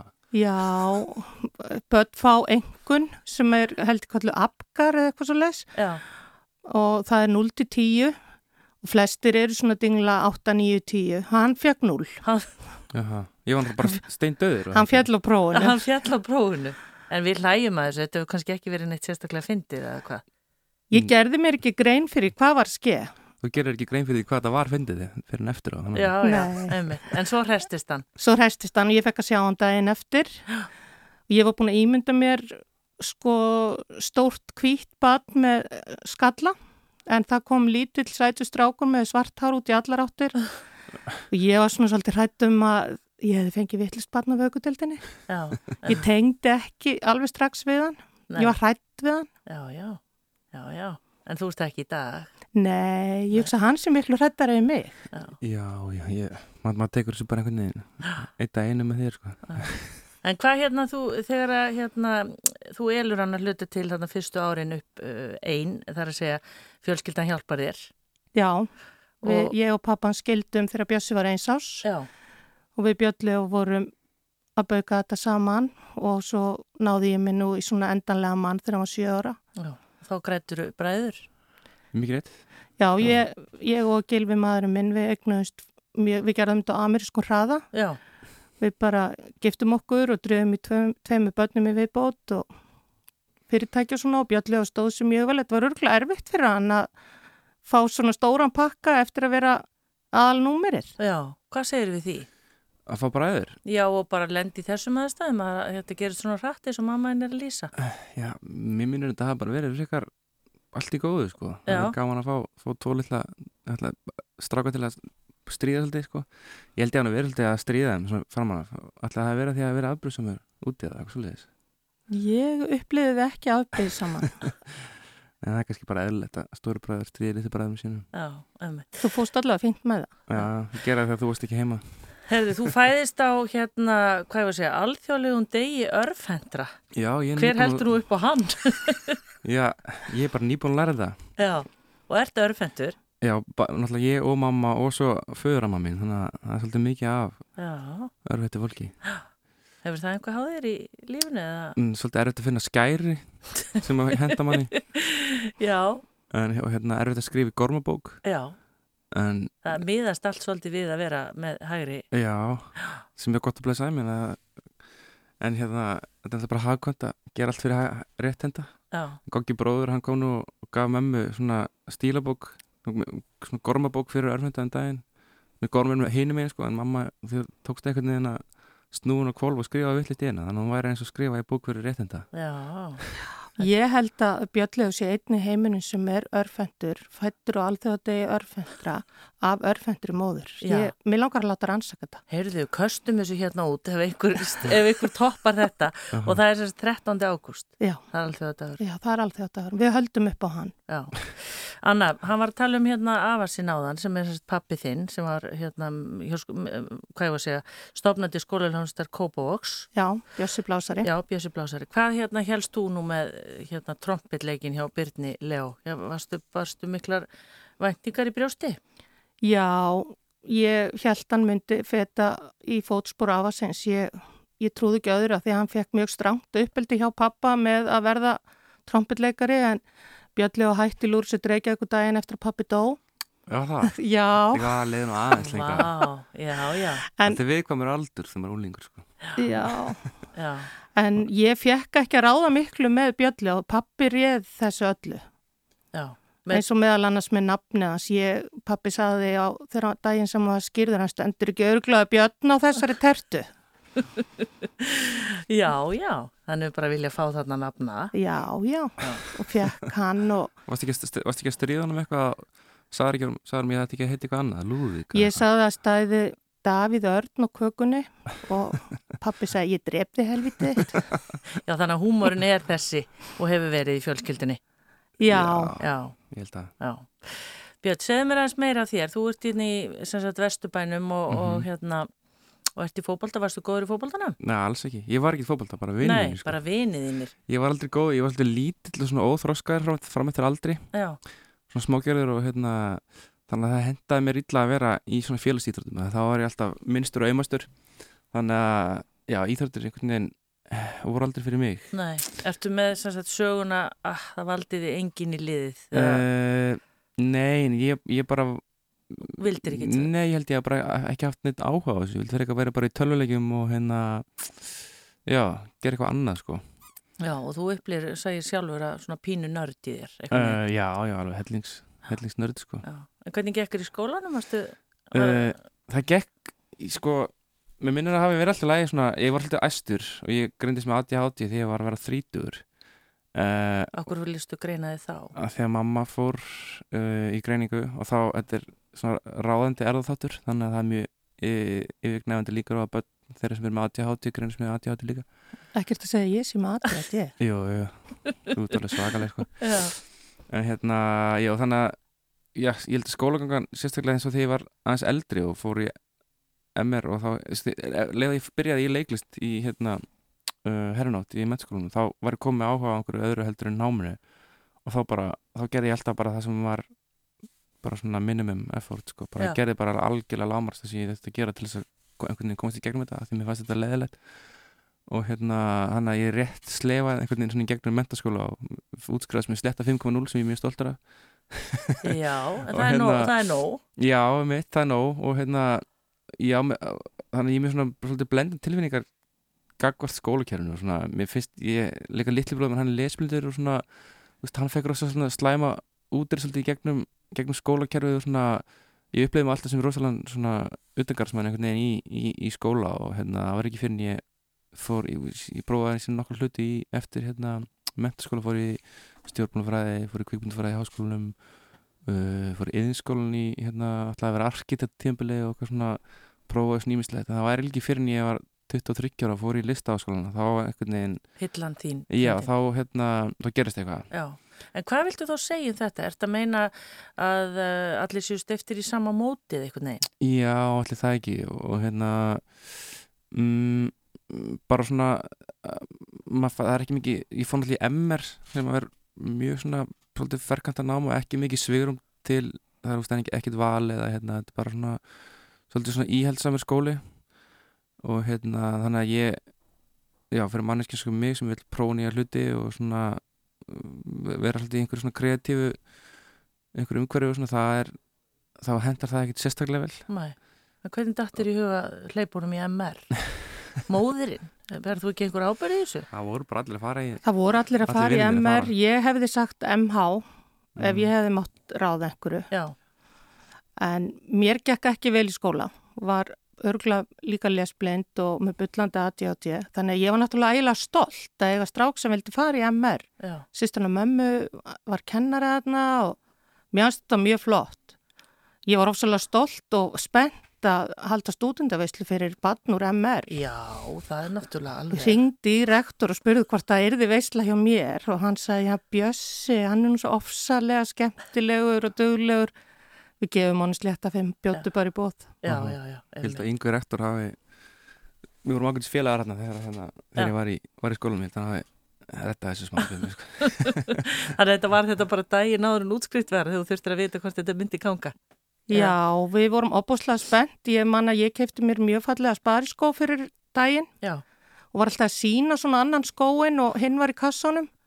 Svo lögum við mjög fint til og allir klárir til að fara og þá fannst ekki kassin með hinu skónum, honum að verið henn. já, Þannig hvað að gerður þá? Ekki Ég djókaði nú með það hvort ég ætti að fara upp á grens og svo reyna að finna ykkur að sæta konu sem vantaði eitt skó en En, en, en þú varst ekki einu skó í... í nei, ég átti auka par. Já, mamma var líka, hún strítið mér svo mikið sko, að því að öll fjölskyldan var alveg að fara á taugum ég veit hvort ég myndi útskrifast eða ekki. Og alltaf sem ekki, ef þú fellur í einhverju í MR þá þarf þetta að taka allt árið aftur sko. þú fyrir ekki að, það er bara, sorry þú þarf bara að bæta við heila ári og hérna, þannig að við vorum alltaf að býja eftir að fá símtal, svo ringdi mamma í mig og, og söng hérna fallin með fjóra koma nýju ég var ég fann að grænja hérna einhverstaðar, ég man ekki hver ég var sko. en svo sagði, nei, þú náðu kallið minn Já, já þú veist það semst að undan honum Já, ég ringdi bara í rektor, ég drífi mig yfirleitt bara bent í efstamann. Já, já, já, einmitt. En hvað, hérna, hann segist að það var svona fyrir tilvílun svolítið farið á þetta svona leiklistarsvið. Hvað segir þú um það, hérna, Anna? Fannst þér, eh, hvað, hvað helst þú að hann myndi fást við í framtíðinni? Já, hann var mjög lítill þegar ég reyndi að gera mótil úr honum. Alltaf að græða peninga á hvað barni var laglegt. Og hérna, hann satt fyrir í einhverju sænskru auglýsingu bara leik, eða sem var tekin upp upp á jökli. Ég veit ekkert hvar eða með hvað fólki, ég lánaði hann bara í átján tíma og eina sem ég man úr sem ferð var að hérna, konan sem var að sjá um okkur krakkan og barði mig í hausinn. Já, þá var ég hérna það er sænski ægin. Nei, ég held að það hafi verið Dóra Einars sem landið í hausi. eða, ég man, ég man þetta eins og þetta hafi gæst bara áðan sko, og þá vorum við í svona einhverjum breyttum svona reisastórum jeppa að kera upp á jökul var þetta, ekki upp á jökli? Jú, Já, og við vorum eitthvað óþekkir krakkarnir aftur í, aftur í og hérna, hún tegði sér svona aftur og bakk barði mig í hausinn sko, ég var í áfalli sko. Já, heyrðu, þetta er bannað. svo skráði ég hann í dansskóla. Já, Ég sá það einhvern veginn fyrir mér að við myndum verða á ferðarlegum og hann myndi vera að keppa einhver staðar í Englandi í samkomistansum. já, Hann hljópar í ringi í dansskólanum og, og fílaði sér ekki þar. Mamma gaf hann svo námskeið hjá Marju Reyndal í leiklist. í leiklist. ég man ekki til því Mamma, var- hafði, mamma hafði séð þetta fyrir sér að þú væri svona, þú varst alltaf að búa eitthvað til og Já, það var alltaf mikil svona veröld í kringum Björnlegu. Hann Já. þurfti ekkert endilega að vera að leika við ykkur. Hann var bara með kallana sína og bandspotta og batt allt saman og svo voru kallar að svífa um. já. Já, einmitt. Það var ég margir svona mikið svona hvað, eh, svona eitthvað svona hluturka leikir með, með svona hérna, með einhverja svona leik, leikvinn sko, alltaf mikið svona narratífa í kringum alltaf, alltaf svona. Já. Uh, En svo ferðu sem sagt, á sviðslistabraut. Hvað, hvað læri maður eiginlega þar? uh, já, þetta hétt Eða- þetta hétt fræða framkvæmt Já, núna heitir þetta vist Sviðs höfundabraut. Eða sviðs höfundabraut, já. Já, sem er, það er sérst dans, leik, og hérna, sjöðsöndabraut, það Já. er BL listaskólan og uh, þetta er svona nútíma sviðslistanám, bara mjög fjölbreytt, það er svona kannski hérna til helminga fræðilegt og verklegt, það er mjög mikið verklegt þarna. Og það er leiklist að saga, þú lærir hérna svona, lík, svona performance bara list, gjörningarlist um, þú bara fara að prófa eiginlega bara rosa mikið af hérna stílum og, og hérna já, aðferðum við að hérna við bara já, í, já, þetta er bara rosalega opið nám um sviðslistir og hérna svo, en það, er rosalega gott grunnám myndi ég segja og, og svo eru margir sem fara kannski og læra, taka master í leikstjórn eða skrifum eða, eða einhverju sem tengist sviðslistum, búningahönnun eða, eða hvað sem er þannig að það er rosalega fjölbreytt hvað fólk tekur sér fyrir hendur þegar það er búið með þetta nám Mm. En erst þú búin að gera eitthvað slíkt? Uh, nei, ég, ég beint eftir útskrift þá flutti ég nú til Berlínar og hérna alltaf að læra þísku og fara í master í, í leikstjórn og ég var einhvern veginn byrjað að fykta við það að skrifa svona uh, sett, alltaf einstaklingsverkjum þá skrifaði ég eitthvað og sviðsetti það í, í skólum og svo fór ég til Þískaland og var eitthvað að byrja að fykta og hérna svo einhvern veginn skólast þetta til að fara í mastersnámið og ég kom aftur heim og þá var svona, já, byrjaði að mótast ymsar hugmyndir og ég hefði miklu meira áhuga á að skrifa og, og svona, var búin að kynna mér svolítið, svolítið og svona, læra svolítið bara svona sjálfur Mhm. Og fór að vinna svolítið mikið með hérna uh, Pétri Ármannsinni sem er leikstýri stórsköldinu núna og konu hans Brogan Davison þau eru með svona lítið danskompani sem heitir Dansaði fyrir mig. Já. og hafa gert uh, fjóru-fimm síningar hérna á Íslandi og sínt út um allan heim.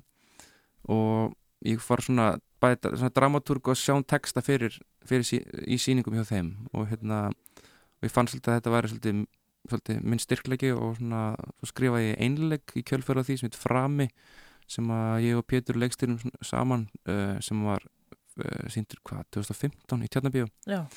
og já, svo eitthvað neginn uh, já, svo sótti ég um þarna stöðuna hjá borgarleikusinu og, og hér, fekk, fekk þessa stöðu vera leikskáldið hjá þeim og þannig að ég upplifði mig svona ekki beint sem að ég hafi rosa mikið ákveð þetta er einhvern veginn bara svona eitt lit af öðru og ég einhvern veginn endaði svolítið Já.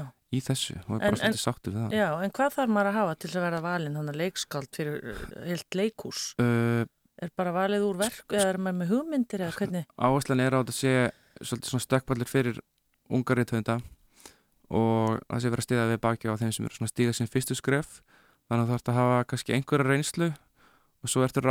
að uh, sem þú sendir inn einhverja hugmynd þannig að ég var reyni ráðin til þess að, að hérna, skrifa þetta verk stórskaldið, Mm. þá var ég bara búin að senda, senda maður bara inn hugmynd og ef þau, heimlist eitthvað á það þá, ráðaði mann held en, Skil, eins og ég skilða já, en hvernig fær maður hugmynd af, mann, af hérna, sögum mann sem býr í Amazon frimskójunum af því hann er að flýja einhverjar aðstæður? Um, Mér finnst þetta mjög fríkað. Já, það, er það kannski. Ég held að þetta, þetta um, það er margar ástæðir að, sem ekki baki. Ég held að um, að því að ég stiðst við svona svolítið svona Hollywood nálgun á handrættigerð eða svona svolítið svona er svolítið svona ég vinn samkvæmt svona kerfi sem Robert McKee heitir hann er svona handrættigúru á Hollywood.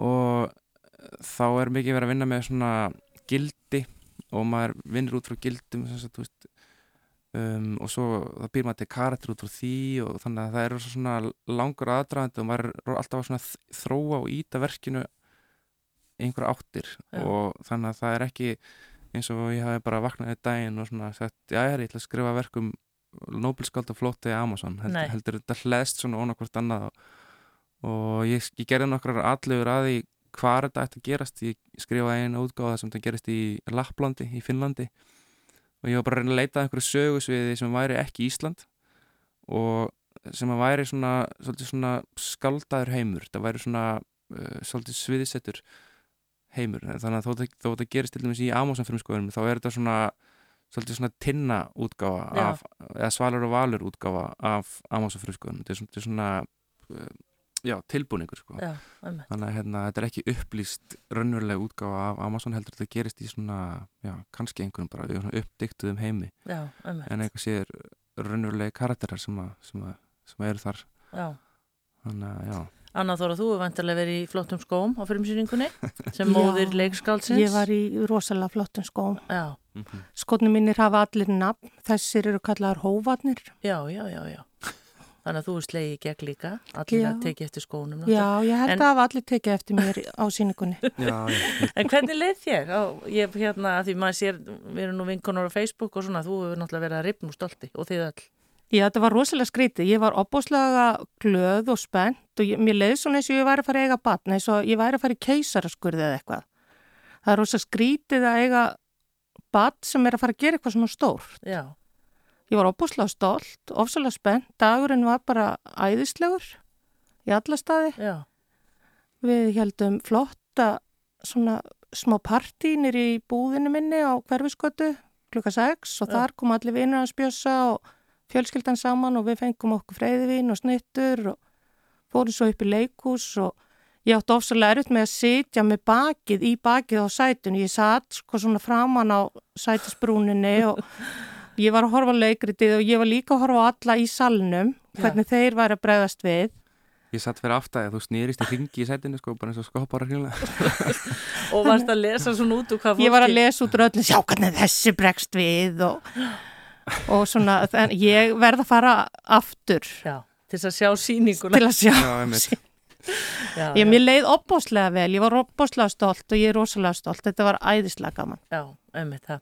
Svo er frumsýning, sagt, e, bíómynd, hvað er núna eftir viku? Já, 2005. Já. Föstu dagi næsta En er þetta ekki alveg ótrúlega skrítið að þetta sé á sama tíma? Jú, ég, þetta er eiginlega bara svona eiginlega aðeins of gott til að vera Já. satt Já, Svolítið svona að því að nú var forsýningin á myndinu núna föstu daginn, hún heitir Þorsti. hún er Þorsti á Og, og hvað um hvað er hún? hún uh, fjallar um svona stelpu sem er í svona djúbri neyslu svolítið svona eins og klassist í, það er flestar íslenska bíómyndir eru um einhver svona sprautufíkla og hún hérna kynnist vampíru í Reykjavík. Já, og hérna svo er svona lögga á eftir þeim og hérna sértróðsöfnur sem er svona að undirbúi einhvers konar heimsenda þarna í, í Reykjavík.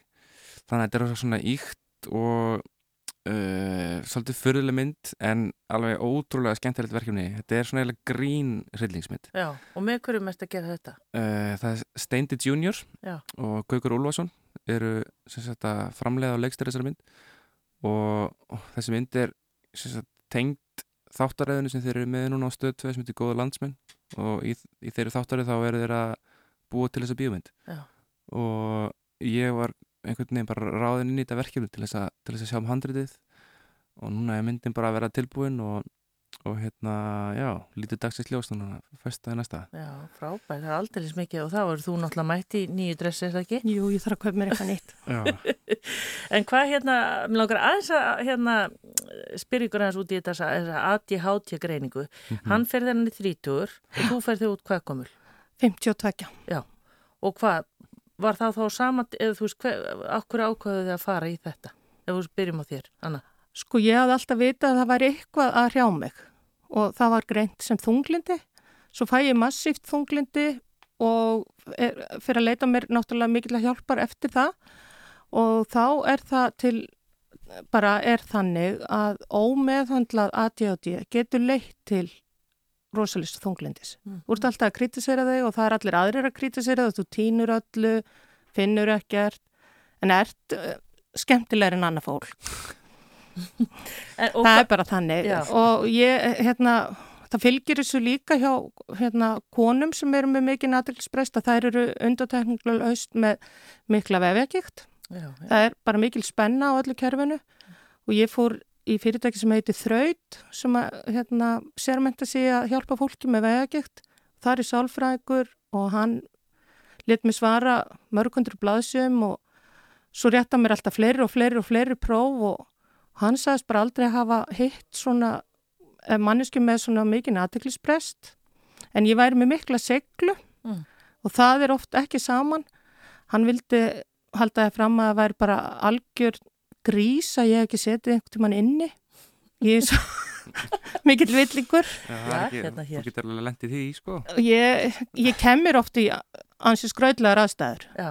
en einhvern veginn reddast þetta alltaf. En núna bara getur þú sagt, já, ég er með ADHD, þið verður bara fyrirgefa. Já, já. en svo, leti, svo bara hafði ég mikinn áhuga fyrir að vita hvort þetta væri líka í strákunum minn, mér dætt alveg bjöllega á í hug. Ég var ekki, ég, mér dætt alls ekki í hug að hinnir væru en við erum öll. Já, hérna. Já. Og hverju breytti þetta fyrir þig? Uh, mér grunna þetta alveg í einhvern tíma, uh, þetta var bara ekki svona mikið umræðinni, betur nú, uh, ætlaði ekki að vera 28 ára kannski þegar Já. ég fór og, og hérna, ég held að einhverju vini mínir hafa haft orð á þessu og, og svona, ég held ég að vita þetta svona alveg innst inni en hérna, það breytir alveg mjög gríðilega miklu máli, bara að þá veit maður svona hverju veiklíka sínir er, er hverju veikleika sínar eru og maður getur svona unnið svolítið með það.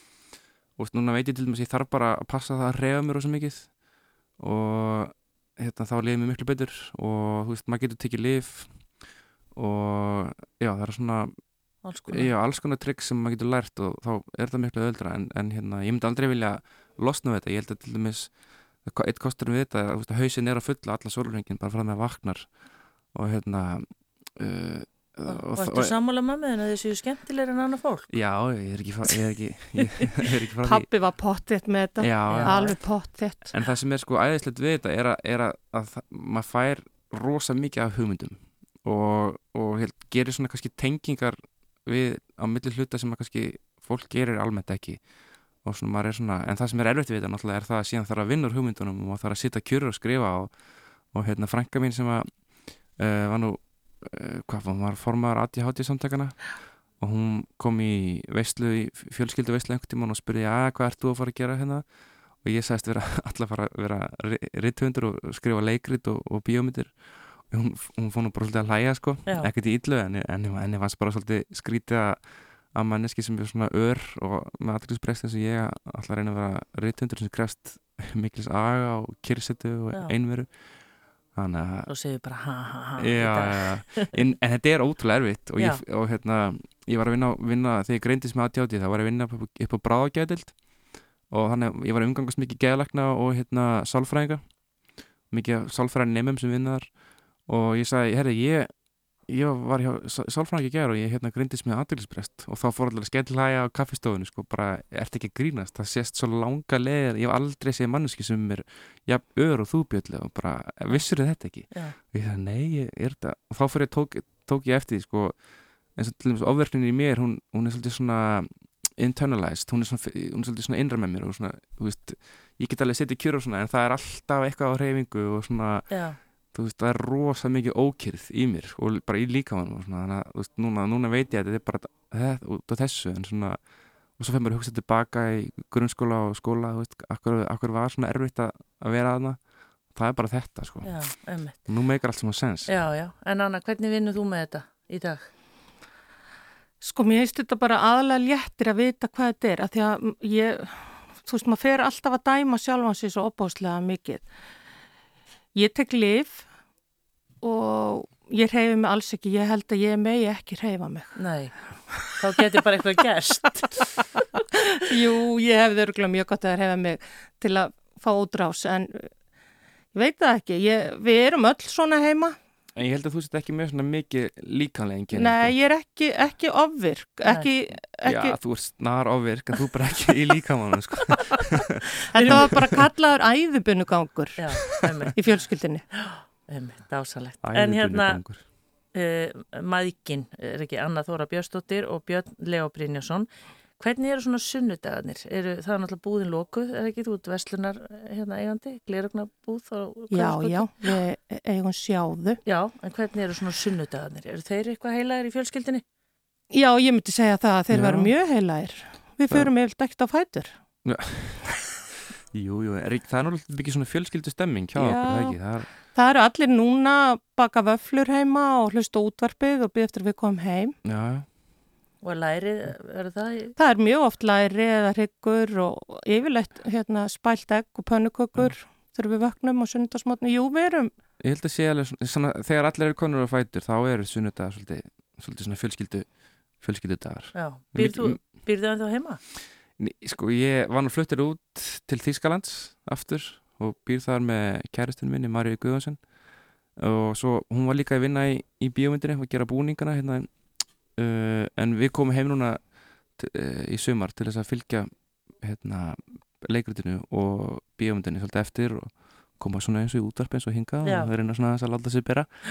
Og uh, redda, redda næstu verkefnum þannig að, þannig að jú, við, ég er 34 ára gammal og ég og kærastan við fengum að stinga okkur inn hérna meðan við erum á Íslandi. Það er svolítið skrítið. Ha, vera búin að vera búin að eignast íbúð og selja íbúð og vera svo bara allt í hennu komin aftur inn í fóröldrúðus Já. en ég meina svona er nútímið það ekki Já, já, og svona er nútíminn og svona var þetta í gamla dag og kannski sumir sem segja að það mætti alveg vera meira á þessu, að við séum bara öll saman. já, mér finnst eiginlega best þegar við erum öll saman. Við vorum öll saman á Tenerife um síðustu jól, sjö saman og mér fannst það algjörstæði. Já, hjörðin öll. Já, Mhm. Uh, rétt í lokin aftur Björnli og hvað er framöndan? Það er auðvitað þessi frumsýning en svona hvað sérðu fyrir þér að Mm, nú ert ekki lengur þá uh, í þessum samning með borgarleikusinu Nei, en þá koma bara einhver önnu tækifæri já, ég er að skrifa um, kvikmyndahandrit með Alexander Briem hann er leikari Já, og fór að læra út í London að skrifa. Og við erum konum svolítið langt með kvikmyndahandrit sem er í, bara í ferli hjá kvikmyndamistu já, já, já. og hérna, já, þannig að það er bara að vera að leita að framleiðanda og, og klára handritin alltaf Spennandi. og Anna, er eitthvað uppistandi á þér? já, við Þorstjórn Guðmundsson öllum að vera í Port 9 í november og svo er ég með gig hinga og þanga út um bæin og svo er hann Jakob Birgisson nýjasti besti vinu minn 21 ás. Já, ég er búin að þið saman. eignast Við- hérna. Við erum að hérna, undirbúa eitthvað alveg opbúslega stórt í vor. Já, en skemmtilegt. Meira en síðar um það. Það verður alveg alvöru. Já, já. Mér dreymir um að taka háskólabíó. Ég vann í háskólabíó frá 14 ára aldri og þangur til ég átti bjöllu mér finnst æðislegt að standa þar einu sviðinu með fullt hús. já, dásanlegt. Við fáum að heyra betur af þessu. En takk fyrir að koma í sundarsögur og til hamingi með þig og bara ykkur bæði. Hérna Björn Leo, það verður gaman að fylgjast með þér í framtíðinni. Og Takk fyrir það Anna, við hérna, uh, hvaða dag er þetta í nóvumbersæðri? Port Ég 9? held þetta sé 17. november. Já, þú og Þorstuð Guðmundsson sem kendi þér að vera uppistandari. Já. Er það ekki? Jú. Já. Takk fyrir komuna bæði tvö og fyrir. það gott og hérna, já, njótið sunnudagsins. Takk fyrir okkur.